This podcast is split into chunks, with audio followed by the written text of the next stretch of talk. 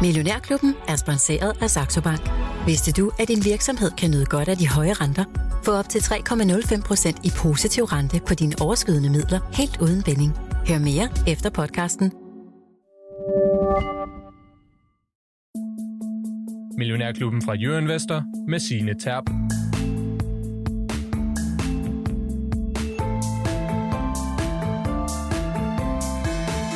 Hvis navnet Netcompany ikke siger dig noget, så er jeg sikker på, at det alligevel ringer en klokke, når jeg siger Borger DK Coronapas eller Aula. I mere end to årtier har Netcompany nemlig forsynet Danmark med IT-løsninger, men nu gælder det ikke længere bare den danske hjemmebane.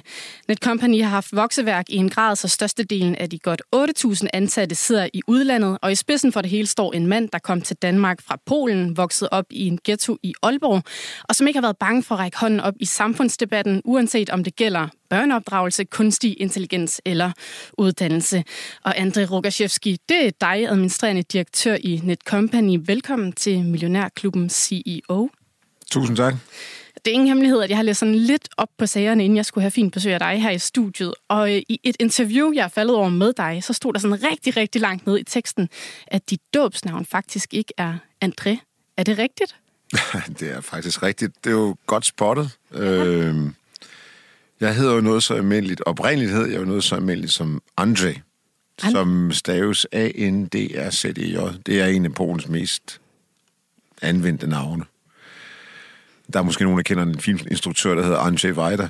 Men da vi kom til Danmark, så var der ingen, der kunne finde ud af at sige det i det hele. Altså, det var helt umuligt. Okay. Så det blev lavet om til André. Var det dig selv, der sådan tog den beslutning, eller var det dine forældre, der ligesom Det var mine vejen? forældre, de var meget interesserede i, at vi blev integreret så hurtigt som overhovedet muligt. Og da jeg så blev øh, kaldt uh, André, eller skiftede navn til André, så var der rigtig mange, der begyndte at kalde mig René, fordi der var ikke nogen, der vidste dengang. Okay. Så André var heller ikke et normalt navn dengang. I dag fungerer det meget godt. Ja, jeg føler det i hvert fald, det er sådan et ret normalt navn i dag. Det kan ja, være, det er dig, der har været med til at få det jo, sådan lidt, jo, øh, jo. få lidt på landkortet. Men vi skal i hvert fald lære dig, og måske også dit ophav, sådan lidt bedre at kende her senere i udsendelsen. Fordi de næste 45 minutter, der skal det altså handle om Netcompanies fortid og fremtid. Og apropos den der fremtid, André, der er rigtig, rigtig meget snak om AI, kunstig intelligens lige for tiden. Og i Netcompany, der har I for nyligt faktisk lanceret en, jeg tror, det er en slags pendant til den her chat GPT, eller sådan en robot, man kan spørge om nogle spørgsmål. Nu må du rette mig, hvis jeg tager fejl. Den hedder Easily. Hvorfor har I lanceret den? Det har vi gjort, fordi at øh, vores medarbejdere også skal drage nytte af den teknologiske udvikling, der er. Både i forhold til, når de øh, programmerer, men også når de tester, og når de øh, dokumenterer og skriver tilbud osv. Og, og vi har valgt at have én indgang til, til den slags effektivitetsforbedringer og hjælp, som vi så har valgt at kalde Easly, og den kan så kalde forskellige sprogmodeller, så vi gør os så uafhængige som muligt. Hvad vil det sige, at den kan kalde forskellige sprogmodeller? Vi bruger jo forskellige sprogmodeller under Easly, så vi kan både øh, tage udgangspunkt i egne sprogmodeller, open source sprogmodeller, vi kan også kalde OpenAI. Vi kan bruge det i forskellige sammenhænge. På den måde så har vi mere kontrol med, øh, hvad det er, vi gør, og hvad vi bruger det til, og hvor vi sender data hen. Mm-hmm. Og I har arbejdet på den her Isli i sådan cirka et år, og i mellemtiden er der jo sådan rigtig mange amerikanske tech-giganter, der er noget længere fremme end I er, antager jeg. Hvordan ser du sådan Netcompanies potentiale på hele det her kunstig intelligens marked? Ja, man skal bare lige huske, nu gør jeg jo mig ikke nogen forhåbninger om at konkurrere med nogle af de store tech-giganter i forhold til at lave sprogmodeller. Det er jo ikke det, det her. Nej, det, det kommer vi ikke til. Men øh, i forhold til anvendelsen af sprogmodeller og anvendelsen af generativ kunstig intelligens, der tror jeg, der er masser af muligheder for at hjælpe virksomheder med forskellige løsninger. Det gælder alt lige fra administrative sagsbehandlinger hele vejen over i rådgivning. Og der, det er jo ikke fordi kunstig intelligens alene øh, kommer til at stå for den teknologiske udvikling der. Der vil være en sammenhørighed med, mellem det og så kunne hente data og i ens gamle systemer. Så det at lave et helt nye løsninger, hvor kunstig intelligens spiller en rolle, det tror jeg bliver vigtigt. Mm. Og jeg har set dig sige til børsen, at øh, altså, du mener, at Danmark kan få sådan en form for frontløberstatus i Europa, når det kommer til AI. Så du siger altså, vi kommer nok ikke til at konkurrere på sådan at kunne lave det med de helt store, men du mener alligevel, at vi sådan i Danmark har en eller anden rolle at skulle spille? Ja, men det tror, jeg tror, det er meget vigtigt, at man gør sig klart, at øh, den her teknologiske udvikling svarer lidt til, da internettet kom i sin tid. Og hvad man vil bruge det til, og hvordan man vil bruge det, det tror jeg bliver utrolig vigtigt. Så i et samfund, som i forvejen har verdensrekord i digitalisering, og hvor vi danskere jo er vant til at betjene os selv digitalt, der vil kunstig intelligens jo bringe os et helt kvantespring frem. Altså, øh, vi bruger rigtig meget tid. Øh, vi snakker om skærmtid, vi bruger, vi snakker om swipe øh, og drag and drop, og vi bruger jo rigtig meget tid på at betjene os selv. Altså, grænsesnittet til computer kommer til at forandre sig med kunstig intelligens, så du kommer i højere grad til at tale menneskeligt med dem. Og det betyder, at du også kontekstuelt bare kan bede din computer om at gøre noget for dig, så vil den forstå, det det her, du vil, og så vil den gøre det for dig. Mm. Øh, I stedet for, at du selv skal sidde og fortælle den minutiøst, jeg vil gerne med toget fra København til Aalborg, og det er i morgen, og det er den her dato, og jeg vil gerne sidde ved gangen, og jeg vil gerne, og jeg skal også have en pladsbillet, og så skal jeg også, og så skal jeg også, og så skal jeg tilsende det her til min e-mailadresse, som jeg lige vil taste ind for dig. Det slutter. Ah, okay. På et tidspunkt. Så, så selvbetjeningen bliver lavet om til meget mere, hvad skal man sige... Det bliver faktisk godt for de mennesker, som også er lidt teknologi-skeptiske, øh, Øh, fordi det bliver mere naturligt grænsesnit mellem computer og menneske. Og så vil vi mennesker jo kunne bruge tiden på at lave nogle andre mere spændende, kreative og, og hvad skal man sige, øh, givende ting, som, hvor vi som mennesker har, har kæmpe styrker. Mm. Og så vidt jeg forstår, så er det jo altså det er meget, meget nyt, at I har lanceret den her Easily, og det er jo vist heller ikke rigtigt der, I tjener sådan pengene endnu. Men hvad er det, I håber, den kan, kan bidrage til? Hvad er, det, hvad er det for nogle kunder egentlig, I håber, der kan blive koblet op på den? Altså for mig er kunstig intelligens lige så meget det, vi kalder, i computersprog kalder vi det en enabler, eller i forretningssprog, altså det, det skaber et behov øh, for at gøre tingene anderledes. Og i vores tilfælde så er kunstig intelligens, ligesom hjemmesider var det i sin tid, selvbetjening, en, en, en behovsskaber i forhold til, at man kan få data og integrationer øh, skabt i ens virksomhed.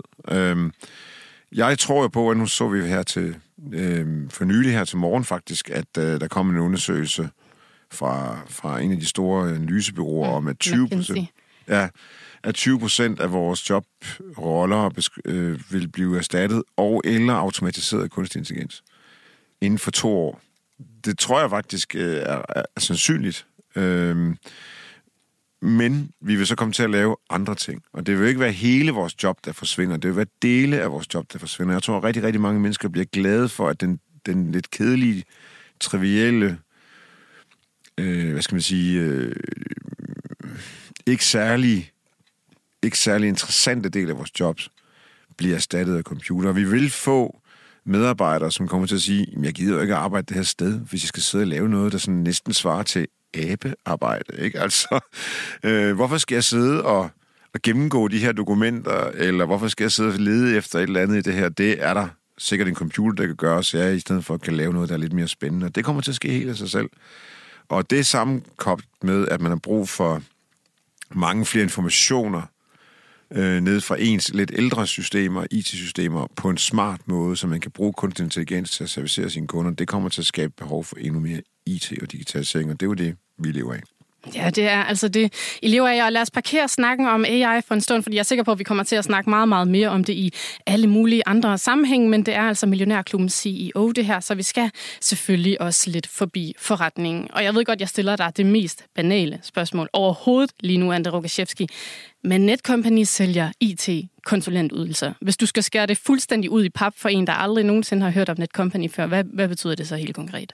Jamen, jeg vil da sige, jeg vil ikke sige, at vi sælger IT-konsulentydelser. Jeg vil sige, at vi, vi, øh, vi øh, sælger og implementerer øh, store IT-løsninger. Ja. Så øh, vi sælger jo ikke som sådan øh, timer. Vi sælger løsninger. Og okay. vi sælger løsninger på større udfordringer og problemer, som IT kan hjælpe med. Mm, og I har altså stået for blandt andet ja, rejsekortet, Borger.dk, Coronapasset, Aula. Generelt en hel del løsninger, som rigtig mange danskere har kontakt med hver evig eneste dag. Jeg tænker ikke, at I havde så store opgaver i ordrebogen tilbage i år 2000, da du og to andre stiftede Netcompany. Hvorfor stiftede I egentlig selskabet dengang? Det har jo været sådan midt under noget IT-boble og alt muligt andet. Hvorfor havde verden brug for Netcompany? Jamen, dengang, der havde jeg jo selv været i IT-branchen i, øh, ja, 8, jeg, jeg, jeg har jo også læst IT, så jeg har jo egentlig været i branchen siden øh, 93.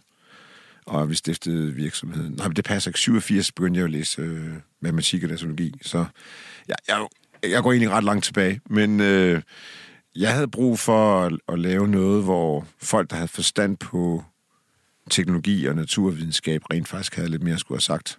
Hvad mener du med det? Ja, om jeg har siddet lidt for længe i sammenhængen, hvor vi egentlig blev betragtet lidt som nogen, der sad i en, øh, i en hule og lavede IT-systemer. Der er stadigvæk nogen, der har den holdning til IT-folk. Jamen, det er det ikke sådan nogen... Det, det ligger stadigvæk dybt i nogle mennesker, at folk, der ved noget om teknologi, det er sådan nogen, der spiser pizza og drikker cola og sidder et eller andet sted nede i et hjørne. Altså, ja. det er ikke sådan, det er. Altså, og øh, hvis virksomheder i dag skal have en, en stærk fremtid og, øh, og, og øh, tænke fremadrettet på deres services og ydelser, så tror jeg, det er en rigtig, rigtig god idé at have nogle folk med både teknologisk og naturvidenskabelig baggrund i ledelsen. Mm. Og det, det jo derfor, vi startede Netcompany. Vi startede Netcompany for at give nørderne, og nu siger jeg nørderne i situationstegn, en chance for at komme frem og blive, øh, også blive forretningsfolk og lave noget, som... Og det viser sig at være rigtigt. Digitalisering blev vigtigt, og dengang var der jo ikke rigtig nogen, der gad at tale med en, når man arbejdede med computer. I dag er det noget helt andet. Mm. I er blevet sådan lidt heltende efterhånden. Men øh, altså, Andrea, jeg kan ikke lade være med at tænke på, at man hører sådan Amos, de her mytiske sådan, skabelsberetninger, øh, sådan noget med om Apple, der byggede deres første computer i Steve Jobs' garage, og hvad Amazon er der også noget med Jeff Bezos, en garage og en hel masse bøger. Hvordan var jeres sådan spæde start i Netcompany? Var det også et eller andet med en, en garage, eller var I mere etableret end som så? Nej, det, vi, altså vi havde jo ikke nogen, man kan sige, vi havde ikke nogen penge. Så, øh, og vi havde ikke så mange kunder. Så det var jo et spørgsmål om bare at gå ud og, og, og gå i gang. Ikke? Og vi gik ud og sagde, at vi var mand til mand, var vi lige så gode som de allerstørste. Der var sådan lidt øh, Braveheart-filmen øh, der over det. Man står på sådan en bakketop, med en, og konkurrenterne var væsentligt større, og vi havde ikke helt de samme muligheder. Men mand til mand, projekt for projekt, der var vi hurtigere øh, smart og havde mere styr på teknologien og brugte ikke så meget tid på at tale, men mere på at handle. Det var sådan... Mm. Og samtidig holdt vi godt fast i... Så skal man huske, dengang var der meget øh, internet, øh, hjemmeside, produktion, så det gik vi aldrig rigtig ud i. Vi var... Vi brugte det meste af tiden på at integrere til de gamle systemer, hente data ud af dem og, og skabe værdien den vej rundt. Så vi gik også rundt og sagde gamle dyder i nye tider. Kan jeg huske, det var vores første slogan. øh, sådan, at man havde respekt for håndværk. Altså, det, det var svært, det vi gjorde. Det var mm. ikke... Man kunne ikke sætte sig ned, øh, hvis man fik en idé til en ny hjemmeside, og så tegne den op på nogle få dage, og så viste den. Øh, det var ikke sådan noget, vi gjorde. Vi gik ind i de gamle IT-systemer, hentede data ud og lavede nogle rigtig, rigtig tunge selvbetjeningsløsninger, og ville gerne være de der ingeniører, og, som havde forstand på tingene, men som samtidig også kunne lave noget, som ikke tog flere år. Mm. Hvis du ligesom skal pege på sådan en ting, som virkelig har gjort, at I har lykkes, altså noget, som I måske har gjort anderledes end alle jeres konkurrenter dengang, hvad var det så? Var det det der store gå på mod, eller hvad var det, der gjorde, I lige ramte den? Jeg tror, vi ramte den, fordi vi ikke var bange for at bide skære med de store, og kastede os over, at IT-folk faktisk godt kunne lede IT-folk til at lave noget, som resten af verden kunne bruge. Mm. Øh, og vi kastede os meget hurtigt ud i ret store systemer, som for eksempel... Øh, Øhm, også i, nu står vi jo i et bladhus her, altså vi lavede jo faktisk øh, på det tidspunkt et system til et fælles annoncesystem også. Så vi, vi, vi er i gang med rigtig, rigtig mange ting. Mm. Yes. Øhm, ja, Altså, jeg kan ikke lade være med at tænke på os, Andre, når man tænker på, på jer. så I var jo tre, der alle sammen, så vidt jeg har forstået, havde en fortid i det, der hedder, øh, jeg hedder det Accenture nu, jeg ved ikke helt, hvordan man udtaler det. Men Accenture. kan du nu, Accenture, ja. Kan du nogensinde være bange for, at der er nogen, der laver sådan en, øh, en på jer, altså hvor der er tre af dem, der ligesom går til siden, og så starter sådan en slags netcompany 2.0? Eller tænker du, I er blevet så store nu, at det bekymrer du dig ikke rigtig om? Men det, det, er jo, det sker jo sådan set næsten hver eneste år. Gør det det? Så det er jeg ikke bange for. Okay. Altså det er noget, der sker. Det synes jeg er en naturlig ting, at folk starter... Altså det er jo et eller andet sted positivt, at men jeg kan jo ikke forvente, at mine medarbejdere er hos mig for evigt. Øh, og der er nogen, der går ud i branchen, og der er også nogen, der starter noget selv, og jeg, jeg ser det kun som en positiv ting, og det har vi da haft øh, forskellige eksempler på, mm. øh, at nogen har startet noget andet op. Jeg kunne faktisk godt tænke mig, at altså det er generelt, øh, selvfølgelig ikke øh, specifikt også, men i det hele taget, så synes jeg, at iværksættermiljøet i Danmark, øh, det er faktisk et okay iværksættermiljø, og der er også mange spændende idéer og opstartsvirksomheder inden for forskellige områder, også inden for teknologi. det, der måske er lidt ærgerligt, det er, at der ikke er nogen af dem, der når at blive helt store, før de bliver solgt eller vil noget andet. Mm-hmm. Og apropos det her med at blive solgt, fordi hvis vi øh, spoler lidt frem fra jeres grundlæggelse, Andrej Rukashevski, så siden 2000, der er der sket ret meget. I solgte jo faktisk også virksomheden. I købte den så tilbage igen, solgte halvdelen igen, så krydsede I 1000 medarbejdere i 17, hvilket er sådan en ret stor milepæl, inden I så i 18 gik på børsen og blev en af de største danske noteringer siden finanskrisen. Det er lidt kompliceret ejerforhold med at øh, eje, sælge, øh, eje igen, sælge halvt. Hvorfor, hvorfor egentlig det? Jamen, jeg tror, at gennem vores øh, virksomhedshistorie, så har vi altid haft drømmen om at blive øh, store Forstået på den måde at have indflydelse. Altså, det er lidt ligesom... Altså, en ting, det er at lave en succesfuld virksomhed. En anden ting, det er måske at få indflydelse. Øh, og, og kunne præge udviklingen i en bestemt retning. Og jeg har altid synes, at teknologi og digitalisering var, var en kæmpe kraft i samfundet. Så vi faktisk allerede i de tidlige dage diskuterede vi jo meget, hvordan kunne vi skabe, både i Danmark, men også i udlandet, kunne man gøre noget, som differentierede sig voldsomt fra alle andre, så man kunne skabe noget indflydelse, noget positiv digitalisering, og skabe en virksomhed, som, som, som voksede, og som var sund, og også omfattede øh, og omfavnede unge mennesker, og gav dem en chance tidligere i livet i forhold til digitalisering. Og det gjorde vi jo al ydmyghed alt for. Og i nogle sammenhæng, der troede vi jo, altså vi har flere gange tænkt, okay, hvornår skal vi egentlig til udlandet? Altså hvornår, Fordi øh, i Danmark udviklede vi os fra at være, skal man sige, en udfordrer, og så blev vi sådan en... en en, øh, først startede vi selvfølgelig som en, som en, en lille virksomhed, og, og, og, og var en opstartsvirksomhed, og mobiliserede os selv.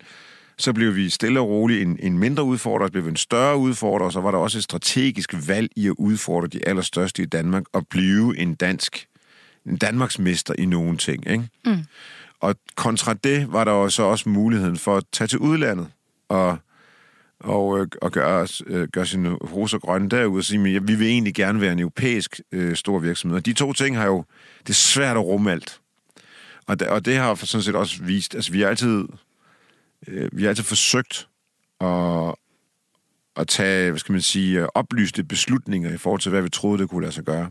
Og, der, og det har vores ejerforhold sådan set også bekræftet, at vi jo har folk inde, som har kunne hjælpe os på forskellige områder, og man kan sige, at børsnoteringen i 18 var så det endelige resultat af en lang, lang udvikling, hvor vi både øh, udvikler os i Danmark, men rent faktisk også begyndte at blive skære mere og blive en europæisk storspiller, eller gerne vil være en europæisk spiller, og i dag arbejder vi jo også hårdt på det, hvor øh, man kan sige, øh, det er jo øh, første gang faktisk i virksomhedshistorie, at over halvdelen af omsætningen nu kommer uden for Danmarks grænser. Mm. Ja, lad os lige prøve at zoome lidt ind på den der børsnotering, fordi I stillede investorerne i udsigt, og jeg har været tilbage og læse i, i arkiverne hen fra Berlingeren, at vækste 20-25 procent om året. Det er ret flot, og jeg også lykkes med at vækste rigtig, rigtig meget. Det tror jeg ikke, der er nogen som helst tvivl om. Men når man kigger i jeres seneste kvartalsregnskab, André, så er det ikke sådan helt de to cifrede vækstrater, der springer, springer ind i øjnene. Hvordan føles det som dig, altså for dig som topchef at se? Nej, men altså, vi gør jo det, at, øh, også det gør alle børsnoterede selskaber jo, det er, at vi guider jo selvfølgelig så godt vi kan, mm. når vi går ind i et år. Vi har også guidet, i år har vi også guidet øh, konservativt. Det har været, det er en, 2023 har været udfordrende år for, for ret mange virksomheder, øh, og specielt i IT-branchen. Så vi guidede egentlig, synes jeg selv, øh, så godt vi kunne på det tidspunkt, og, og, og lever også op i forbindelse med vores seneste kvartalsregnskab op til vores guidance. Men det er en spændende branche, og øh, det er selvfølgelig det at blive en, en, en europæisk større spiller, øh, in, indeholder jo også, at man spiller på flere tangenter, og, og dermed så, øh, så er der ja, forskellige både udfordringer, men også kæmpe muligheder i det. Og jeg, jeg er meget, meget glad for, at vi i så mange lande er begyndt at få fat og mm. levere nogle af de der øh, banebrydende IT-løsninger, som vi også har været stand til at lave her i Danmark. Mm. Og det er virkelig også udlandet, når man kigger i det her kvartalsregnskab, som ser ud til at vækste rigtig, rigtig flot. Men i Danmark, så vidt jeg kan se, så er det sådan privatsektoren, der er lidt af stenen i skoen. Er det din fornemmelse, at lige så snart vi har sådan nogle økonomiske tider som nu, hvor renten stiger, og pengepunkten måske bliver lidt, lidt tyndere, Andrea, så holder de der danske private firmaer tilbage med at digitalisere sig? Jamen, jeg tror ikke, digitalisering som sådan stopper på noget tidspunkt, men der vil være perioder, hvor man... Altså, det, det, det, det er meget normalt øh, inden for jo mange brancher, at når, når tiderne går mod lidt hårdere tider, jamen, så er der, så er der en, en, en periode, hvor man, hvor man lige drej, tænker sig om at finde, hvad skal man så? Mm. Øh, der er ingen tvivl om, at digitalisering fylder rigtig meget på, på både direktions- og bestyrelsesgangene alle steder, og der bliver truffet nogle rimelig øh, vigtige beslutninger i forhold til, hvad man skal gøre. Øh, både med ens eksisterende systemportefølje, men også med for eksempel kunstig intelligens rundt omkring. Øh, så derfor så tror jeg egentlig, at man med rolighed, roligt kan sige, at digitalisering er vigtigere end nogensinde før. At, der, at det så går lidt op og ned i forhold til, hvor meget der bliver investeret i det rundt omkring, det er, det er egentlig ikke nogen overraskelse. Sådan har det alle dage været, og mm. tiderne skifter jo. Ja. Hvor forventer du, at den her vækst den sådan skal komme fra? Er det, er det AI, som vi alle sammen snakker om, eller er det egentlig ikke det, der fylder så meget, når du er, er rundt og snakker med, med kunder og sådan noget? Nu ved jeg faktisk ikke, hvor meget du er rundt og snakker med kunder. Er du overhovedet det, André? Jo, det, det okay. bruger jeg faktisk rigtig meget ja. på. Jeg, det interesserer mig meget, hvad der foregår ude i, øh, hos vores kunder. Øh, det er faktisk den del af mit job, jeg synes, der er det mest interessante. Mm. Stadigvæk. Og jeg, kan også, jeg elsker også at se på ny teknologi og muligheder. Øhm, jamen, der er slet ingen tvivl om, at øh, digitalisering fylder ufattelig meget derude øh, hos kunderne. Og kunstig intelligens er en, en stor del af skal man sige, den interesse, som også forretningsfolk har fået for teknologiens muligheder. Hvor man måske tidligere havde en tendens til, at det var automatisering, traditionel automatisering og IT-afdelingen, der stod for mange ting, så er det i dag med fremkomsten, specielt af ChatGPT, fordi folk ligesom får et grænsesnit til teknologi, de bedre kan forstå, som er mere humanistisk, ja, så, har, så har topledelse og bestyrelser nu fattet kæmpe stor interesse. Der er ingen tvivl om, at mulighederne med digitalisering, det at fremskaffe data, det at skabe et sammenhængende digitalt miljø, og rigtig mange steder er forretningen blevet til IT. IT er blevet til forretning. Vi bruger alle sammen, altså vi kan ikke forestille os en verden uden teknologi, som, altså, alt har jo forandret sig de sidste 10 år. Det er jo sådan med os mennesker, mennesker vi tror jo ikke noget forandrer sig. Men vi føler det i hvert fald ikke fra dag til dag. Mm-hmm. Men når man så kigger bare 3-5 år tilbage, så tænker man, gud, det, det, det, men ja. det er næsten en fremmed verden, og det går rigtig, rigtig stærkt i øjeblikket, og øh, det er der rigtig mange virksomheder, der har fået færden af, og der, der er masser af muligheder. Mm. Ja, men det lyder dejligt. Øhm, en anden måde at skabe vækst på, det er jo også at købe op. Det har I gjort. I har blandt andet købt Intrasoft, I har også købt Masan, I har købt en hel masse ting, som, øh, som jeg ikke lige sådan står og nævner her, men jeg lader mærke til på jeres kapitalmarkedsdag, som I afholdt i juni, André Rogaszewski, der, der fortalte I, at I har 2 milliarder kroner stående til opkøb, hvis det bliver relevant. Er det noget, I sådan aktivt kigger efter lige for tiden? Ja, nu lavede vi et stort opkøb, øh, da vi købte, som du går ind og siger, Intrasoft, og, og gjorde dem til en del af familien, og det er jo immer væk en, en, en, en stor klump, og, og også en, en geografisk præsens øh, både i EU og i Grækenland. Og øh, det er jo gået rigtig godt. Øh, det har været et godt opkøb. Vi har, vi har mange ting til fælles, øh, både kulturelt, men også i forhold til de teknologier, vi, vi leverer. Så det har været positivt, men vi er jo altid interesseret i, og vi kigger altid øh, nysgerrigt efter, hvad der findes derude, og specielt i forhold til øh, løsninger, øh, teknologier, som kan supplere det, vi laver. Men altså grundlæggende, så har jeg mit, mit største fokus lige nu, det er også, hvis man kigger på Netcompany som sådan, så har vi faktisk ret mange gode markedsmuligheder. Så mit største fokus lige nu, det er at sørge for, at mange af de løsninger, vi har, de kommer endnu længere ud mm. i de markeder, vi er i, mm. øh, og, og bliver brugt. Mm. Hvor meget arbejde ligger der egentlig i at få sådan et opkøb til at blive altså en god forretning for jer? Fordi hvis man hører på sådan en aktieanalytiker og sådan noget, der er lidt indover jer, så er der sådan en meget stor konsensus om, at Ja, men altså, Netcompany, de har været så meget med til at få Danmark digitaliseret, så det bliver også sådan, det bliver let for dem at bistå med den her digitalisering i, i andre lande, som I køber jer ind på. Er det, er det rigtigt? Jeg tror, alle lande er forskellige. Jeg tror, alle, alle markeder er forskellige, og det skal man altså respekt for. Mm. Øh, så det kræver selvfølgelig, at man kan omstille sig, og man kan tilpasse sine produkter, services og ydelser, specielt når man laver det, vi gør. Øh, så det er vigtigt at have en kerne af, af løsninger, som kan genbruges, og så, eller platforme, som vi også kalder det, platformer og produkter, som man kan se sig selv i, uanset om man er dansker, eller man er englænder, eller man er, man er fra Belgien eller Holland. Og Derefter så er det et spørgsmål om at tilpasse det og bruge det rigtigt. Og det kan sagtens være meget forskelligt fra, fra land til land. Så du er nødt til at have en kombination af noget genbrugeligt, som er robust og stærkt, og som alle kan se sig selv i, og så noget, noget der er meget individuelt tilpasseligt i forhold til de lokale forhold. Og det er jo det, som, den der er en balancegang, men men hele tiden skal have bygget op. Mm. Har I fundet den balancegang? Ja, det synes jeg, vi har for en hel del af vores løsninger. Mm. Vi, har det, vi gør det jo godt i en hel del lande, og det er skønt at se, at det, at man har, har danske løsninger og dansk ophav, og men vi er et lille land, og det er vi jo. Altså, jeg oplever faktisk en del, at, øh, at nogle altså potentielle kunder i udlandet kan sige, jamen, jamen, det er ikke fordi, det er nemmere i Danmark. Er det ikke fordi, I så, er det ikke fordi, at I ikke er så mange, mm. og så bliver det nemmere at lave løsningen for jer? Så, nej, vores, vores lovgivning er lige så kompleks. Ja. Øh, vores øh, vores øh, konkurrenceevne skal forsvares lige så meget som et hvilket, helst, hvilket som helst andet land. Så bare fordi vi er et lille land, gør det jo ikke nødvendigvis nemmere at bygge en IT-løsning i Danmark. Øh, til gengæld så kan den måske testes øh, hurtigere, og fordi vi har en digital parat befolkning, og man kan integrere til flere ting i Danmark, end man kan for eksempel i så mange andre lande. Så derfor så kan man komme afsted med noget, som kan vise sit værd øh, i Danmark, og som så øh, kan fremstå som noget, som andre lande kan nå frem til øh, på måske kortere tid, end danskerne selv har, har, har er nået frem til det. Så jeg, jeg synes, det er meget, meget positivt, at vi som et land, hvor man rent faktisk... Øh, altså, vi er, jo, vi er jo et rigt land, vi har høje lønninger, vi har et, et godt velfærdssamfund, vi lever forholdsvis øh, gode liv. Øh, vi bruger teknologien til at kunne få råd til det, øh, til det liv, og skabe fundamentet og væksten og velstanden, det er der rigtig mange, der ser misundeligt på. Og det mm. kan vi bruge som et udstillingsvindue, når vi står ude i Europa. Mm. Og der har jo også altså, i mange år ligesom været en velvillighed fra danske politikere i hvert fald til at digitalisere Danmark. Men jeg synes ikke, vi skal kigge, nu er jeg selv fra Sønderjylland, vi skal ikke kigge særlig meget mod syd, for at vi i hvert fald ser nogle andre lande, der slet ikke har sådan en lige så stor velvilje for at være digitaliseret. Men er det noget, der sådan er ved at, at ændre sig? Oplever du det? Ja, det oplever jeg klart. Altså, ja. det, det går stærkt nu. Og der er en helt ny generation af europæere, som egentlig forventer digitalisering.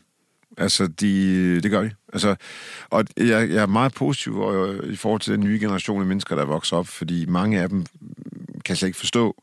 Altså, de er jo vokset op med teknologi bare der fingertips, right? Så, så de er meget, øh, jamen, hvis min arbejdsplads ikke, hvorfor gør vi ikke på den her måde? Altså, mm. det gør man jo andre steder i Europa, eller hvorfor, hvorfor skal det være så besværligt her, når man nu kan gøre det enklere her? i et andet land. Og der, der er kommet en oplysthed og, og en insisterende på, at det kan gøres enklere og nemmere. Og det mærker man ikke bare i Danmark, men i hele Europa. Og derfor er det vigtigt, at vi også har europæiske virksomheder, som griber de muligheder og rent faktisk skaber europæisk teknologi, så vi ikke skal købe det hele fra enten amerikanere eller fra Asien. Jeg tror sagtens, vi kan stå for vores egen digitale udvikling, som vil kombinere både teknologi, men også ansvarlighed. Ansvarlig digitalisering er noget, vi går ind for. Mm.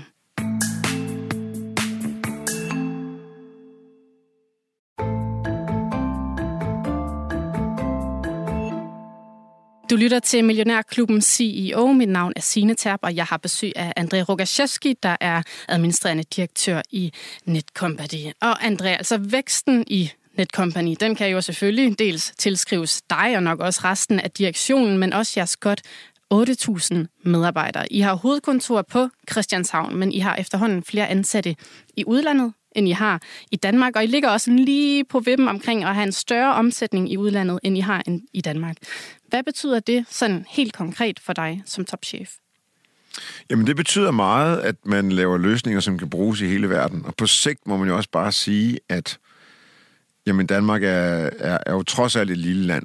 Så at blive Dan- kun blive i Danmark er jo ikke en mulighed, hvis man gerne vil ud og gøre en forskel. Øh, men Danmark som et ophavsland og stedet, hvor vi rent faktisk laver nogle af de nye løsninger, er en rigtig, rigtig god idé.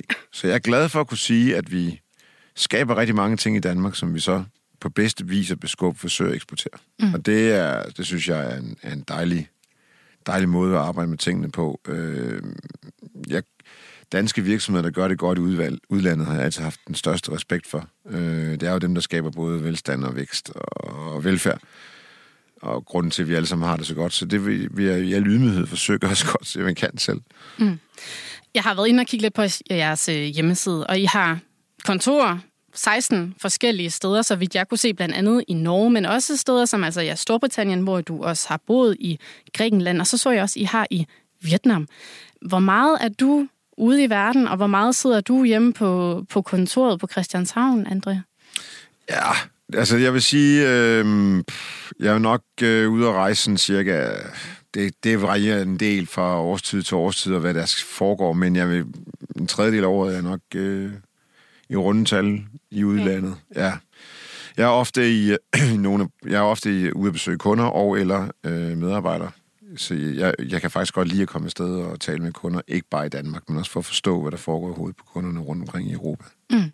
Når du går rundt på de der jeres øh, kontor i de andre lande, er der så sådan nogle kulturforskelle, eller noget, du skal tage, altså noget, som har ændret sig for dig, noget, du skal tage hensyn til i forhold til, da I bare alle sammen sad i Danmark? Ja, altså, selvfølgelig er der en, en, selvfølgelig er der en kulturforskel på at være dansker og ikke dansker. Øh, men vi er blevet en international virksomhed nu. Øh, og det synes jeg har været ufattelig positivt og for, vores, for, vores, for os alle. Og jeg har kun modtaget øh, meget, meget, meget, meget positive tilkendegivelser fra alle vores medarbejdere om, at det er sket. Det, der er vores fælles sprog i Netcompany, det er jo stadigvæk teknologi og teknologiforståelse og vores metode og måden, vi gør ting på. Mm. Og det er et, et universelt sprog, ligesom musikere har deres sprog i form af noder og musik. Så har vi vores sprog i forhold til teknologiske standarder, programmering og den slags. Så vi, det holder os jo sammen. Mm. Og så er der selvfølgelig øh, altid kulturelle forskelle på det, vi gør, når vi går hjem, og, og, øh, og dem, vi er som mennesker fra land til land, og det er sådan set kun positivt. Men du oplever faktisk, at sådan arbejdskulturen måske er ret ens på tværs af alle de her øh, kontorer, du besøger, eller hvordan? Ja, men i store træk, som man siger, det, hvis man er interesseret i teknologi og udvikling af IT-systemer, så er der faktisk ret meget til fælles. Øh, og specielt hvis man så arbejder ud fra den samme metode, så er der rigtig mange ting, man kan gøre mm. øh, i samhørighed. Øh, og jeg, jeg plejer faktisk at sammenligne det med, med et orkester. Øh, man kan jo også godt have en saxofonist, som tænker helt anderledes øh, end, end den, der spiller trommer. Men når de spiller sangen sammen, så, øh, så ved de godt, at her er en rytme, og her er plads til soloen, og det skal altså hænge sammen, hvis, hvis øh, tilskueren derude skal forstå, hvad der, der foregår. Mm.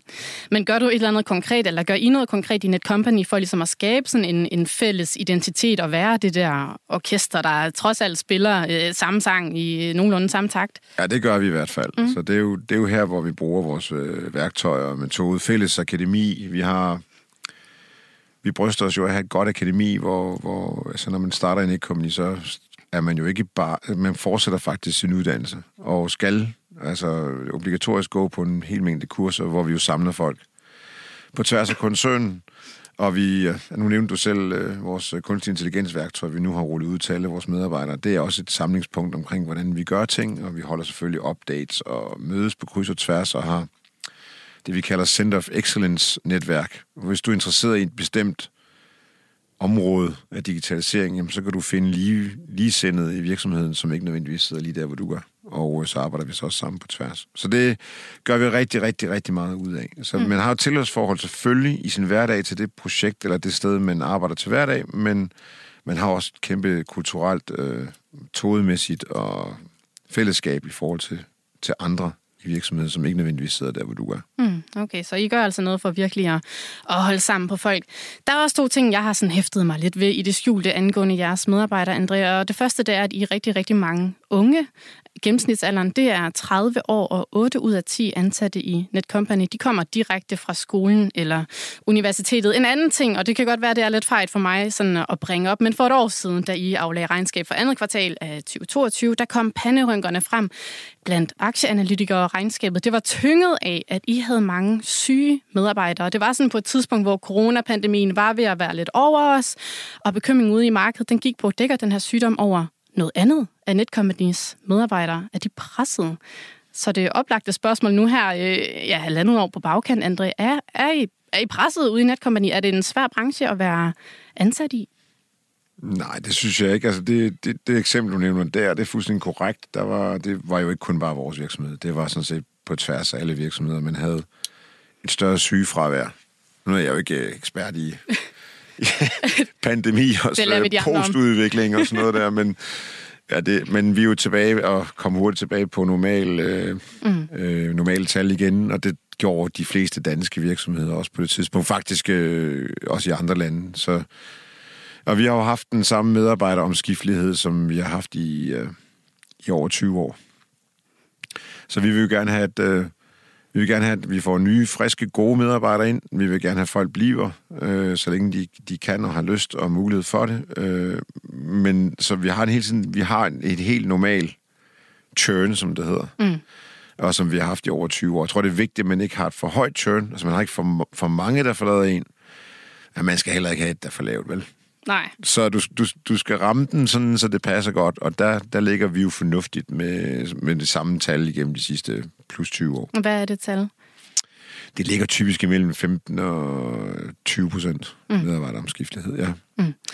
Okay, men altså selvom øh, sådan, jeg kan godt have sådan en liten fornemmelse af, at Netcompany, I laver bare sådan alle danske løsninger på, øh, på IT-fronten, men jeg har været inde og kigge lidt, og I sidder jo trods alt, og det siger jeg med al respekt, kun på 12 procent af det danske marked, og når vi kigger sådan lidt til UK og til Sverige, så er det sådan omkring 1 procent.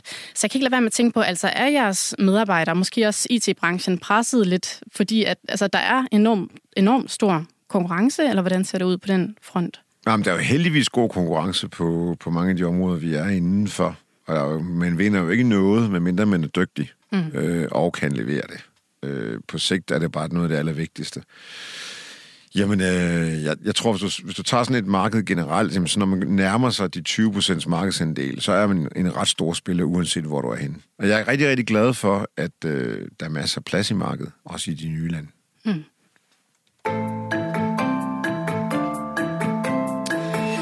Og Andre, lad os lige zoome sådan lidt ind på dig her til sidst, fordi jeg har introduceret dig som Netcompanies topchef og medstifter, men i princippet så tror jeg også, jeg kunne have introduceret dig på næsten seks andre måder. Du er uddannet datalog, du er jo også iværksætter. Så er du også øh, med i bestyrelserne hos blandt andet Aalborg Universitet. Du er rådgiver for regeringen, og du har også siddet med ja, blandt andet i bestyrelsen herinde i Berlingske Media. Der er rigtig, rigtig mange topchefer, der ikke sidder på lige så mange stole, som du gør. Hvorfor er du egentlig en del af så meget? Ej, men over tid har jeg interesseret mig rigtig meget for, hvor teknologi kunne gøre en stor forskel. Øh, og det er jo lige så meget den interesse, som også skaber idéerne til nye løsninger, hvor vi skal positioneres. Øh, I forhold til Aalborg Universitet, hvor jeg er formand, der, det er en af de bestyrelsesposter, som jeg har valgt at beholde, uanset hvor travlt jeg har. Øh, de, andre, øh, de andre poster har jeg været inde og ude af øh, for at hjælpe øh, og komme med idéer og de steder, hvor det gav mening. Mm. Men øh, der er ingen tvivl om, at unge mennesker og uddannelse i Danmark fylder rigtig meget hos mig. Hvorfor øh, det? Jamen også fordi jeg selv har fået chancen øh, til at blive dygtig gjort, øh, kan man sige, gratis. Øh, det tager vi jo lidt for givet herhjemme, men for mig er det utrolig vigtigt, at vi uddanner unge mennesker i den rigtige retning og sørger for, at de får et godt liv. Øh, det fylder utrolig meget hos mig. Og jeg er glad for, at øh, så mange unge mennesker øh, rent faktisk interesserer sig for teknologi og begynder at gå i den retning. Øh, jeg tror, det er utrolig vigtigt, at vi, øh, vi som samfund hele tiden er på hele tiden er overvågne i forhold til, hvad det er for nogle kompetencer, vi har brug for. Vi bor i et helt fantastisk land, og frit, demokratisk, øh, hvor vi lever gode liv som sådan. Mm. Men tænker du, at vi har uddannet forkert eller ikke nok inden for det naturvidenskabelige område, eller hvordan tænker du på, når du går op i, at vi uddanner rigtigt?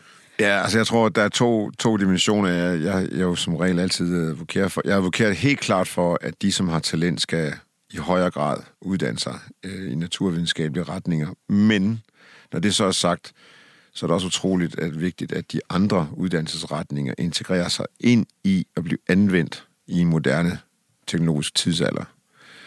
Øh, og med det siger jeg jo, at øh, det er jo ikke kun folk, der forstår at programmere og eller forstår teknisk arkitektur eller computer eller den slags, som øh, vi har brug for i fremtiden. Vi har brug for folk, som både kan det, men vi har den også brug for nogen, som har andre øh, dygtige faglige egenskaber, uanset om det er inden for det merkantile fag, eller om det er inden for humaniora. Og det allervigtigste, hvis man er et ung menneske i dag, det er, at man bliver god til noget. Mm. Bliv nu rigtig god til et eller andet. Bliv nu fagligt dygtig og forstå og benytte den faglighed i kontekst, i sammenhæng med en moderne teknologisk tidsalder, så skal det nok gå der godt. Ja, okay. Således altså opfordret. Men når jeg, tænker, eller når jeg kigger på alle de her ting, som du sådan er en del af, eller har været en del af, Andres, så kan jeg ikke lade være med at tænke på, at du må være drevet af et eller andet ret exceptionelt, fordi du må virkelig enten have mange timer i døgnet, eller også må du bare virkelig godt kunne lide at, at være en del af meget og have indflydelse.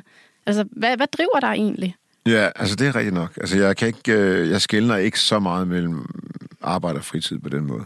Altså. Så hvor mange, hvis du skulle sådan et slag på tasken, hvor mange timer i døgnet tror ja, du så, du arbejder?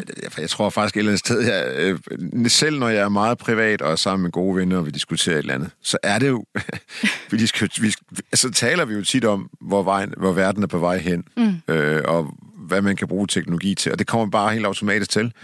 Og det er uanset om vi står på en fiskebåd, eller hvis der er, altså, det fylder bare utrolig meget. Jeg er jo så privilegeret, at jeg får lov til at også at se og lytte til rigtig mange ting, som kommer lige om lidt. Og øh, det er utrolig spændende. Altså, mm. det er kombineret med, hvad man fornemmer, at, øh, at mennesker rundt omkring gerne vil.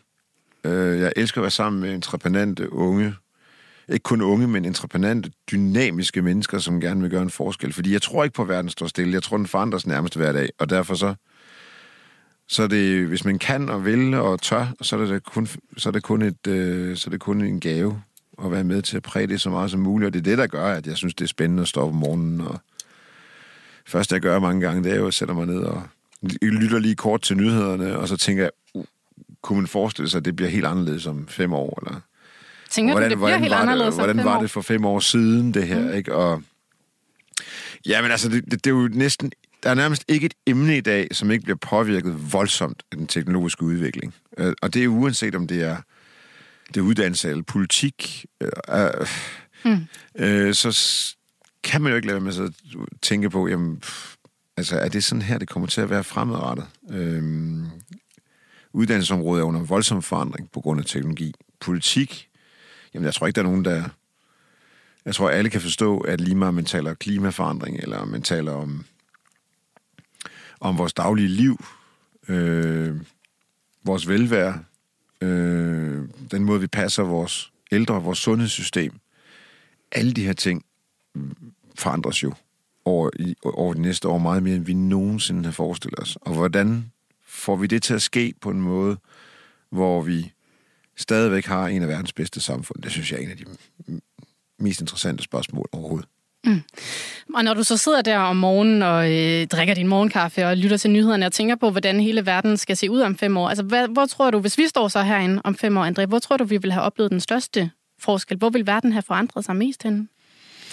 Jamen, jeg, jeg tror, at det sker jo selvfølgelig gradvist, men det er meget interessant. Jeg tror, at det vil forandre sig rigtig meget, både inden for, inden for Helt sikkert inden for, hvad skal man sige, meget kulturel formidling vil vi se øh, anderledes på. Øh, både film og musik vil blive skrevet meget mere af computer. Øh, og, så det er sådan den, det kan vi allerede se nu. Mm. Men jeg tror, det er måske det er også endnu mere interessant, er, at vi kommer til at se en stor udvikling inden for, inden for sundhed.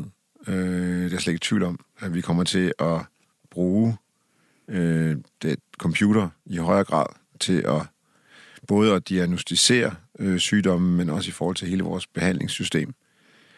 Og så tror jeg også i forhold til hele klimaforandringen, og hvordan vi kan skabe innovative løsninger, uanset om det bliver algoritmer, som kan optimere vores energiforbrug, eller om det bliver helt nye teknologier, som rent faktisk kan skabe energi og genanvende energi på en helt ny måde. Altså, det kommer jo til at ske. Det skal jo ske, og vi er godt i gang. Øh, og det synes jeg er helt ufatteligt spændende. Så, øh, kommer, vi kommer nok også til at have en eller anden form for øh, opgør med teknologi naivitet, og så i stedet for at bruge teknologien på en reel og fornuftig måde. Det håber jeg lidt. Altså, der har været en teknologinaivitet de sidste 10-15 år. Om, Hvad vil det sige? Ja, altså, vi, vi, jeg tror ikke, jeg tager munden for fuld, når, når man kigger på, hvordan for eksempel social media har fyldt og præget vores liv. Øh, fordi det har snedet sig ind over de sidste 10-15 år, og i dag der har vi fået sådan en modreaktion. Øh, ikke dermed sagt, at folk bruger social media mindre, men... Øh, Måske blevet mere opmærksomme på det forbrug. Meget mere opmærksom på det forbrug, og så jeg tror, der sker også en modenhed nu, mm. øh, hvor vi kommer til at kunne skelne mellem god og dårlig teknologianvendelse, mm. og hvor vi bliver i højere grad øh, øh, dygtiggjort i, hvad det betyder noget øh, for os. Og der skal vi selvfølgelig sørge for, at vi ikke bliver teknologiforskrækket, øh, sådan så at vi rent faktisk får udnyttet de muligheder, og omvendt skal vi også passe på, at vi ikke øh, bliver fantaster mm. og, og render rundt og tror på, at øh, teknologi er kongen, fordi det er stadigvæk os mennesker, der er konger over vores eget liv, og det er stadigvæk det der er det vigtigste i ja. vores liv. Det håber vi i hvert fald, at det bliver ved med at være sådan. André, vi har et lille minuts tid tilbage, og jeg ved godt, det er måske lidt unfair at spørge dig om det så, så sent, men hvordan tænker du så, at Netcompany skal spille ind i den her fremtidige udvikling? Altså hvis du kigger i din krystalkugle, hvordan er Netcompany så om de her fem år? Hvad er I for et selskab der? Jamen, øh, vi arbejder jo stenhårdt på at blive en, øh, en europæisk øh, spiller øh, inden for nogle af de mest vitale IT-systemer, der findes i Europa, som holder hånden under Europa, både Europas infrastruktur, Europas øh, muligheder for at være et transparent og åbent samfund, hvor vi deler ud af de øh, goder, der er på en retfærdig og ordentlig måde, og hvor vi også gør europæiske virksomheder konkurrencedygtige øh, med de løsninger, vi leverer til dem. Mm. Sikke et, øh, et godt og øh, kontant svar, Ante Rogaszewski, administrerende direktør i Netcompany. Vi er løbet tør for tid, men tusind, tusind tak, fordi du lagde vejen forbi os i Millionærklubben CEO.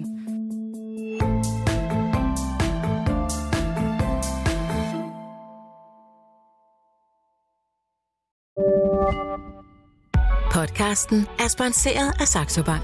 Forbrugerrådet Tænk anbefaler en aktiesparekonto i Saxo Bank. Med en aktiesparekonto i Saxo kan du investere i dine yndlingsaktier, ETF'er og investeringsforeninger til en fordelagtig afkastskat på kun 17%. Fra 2024 kan du indsætte helt op til 135.900 kroner. Det er gratis og tager kun få minutter at oprette en aktiesparekonto. Opret en gratis konto på saxobank.dk og find inspiration til din næste investering.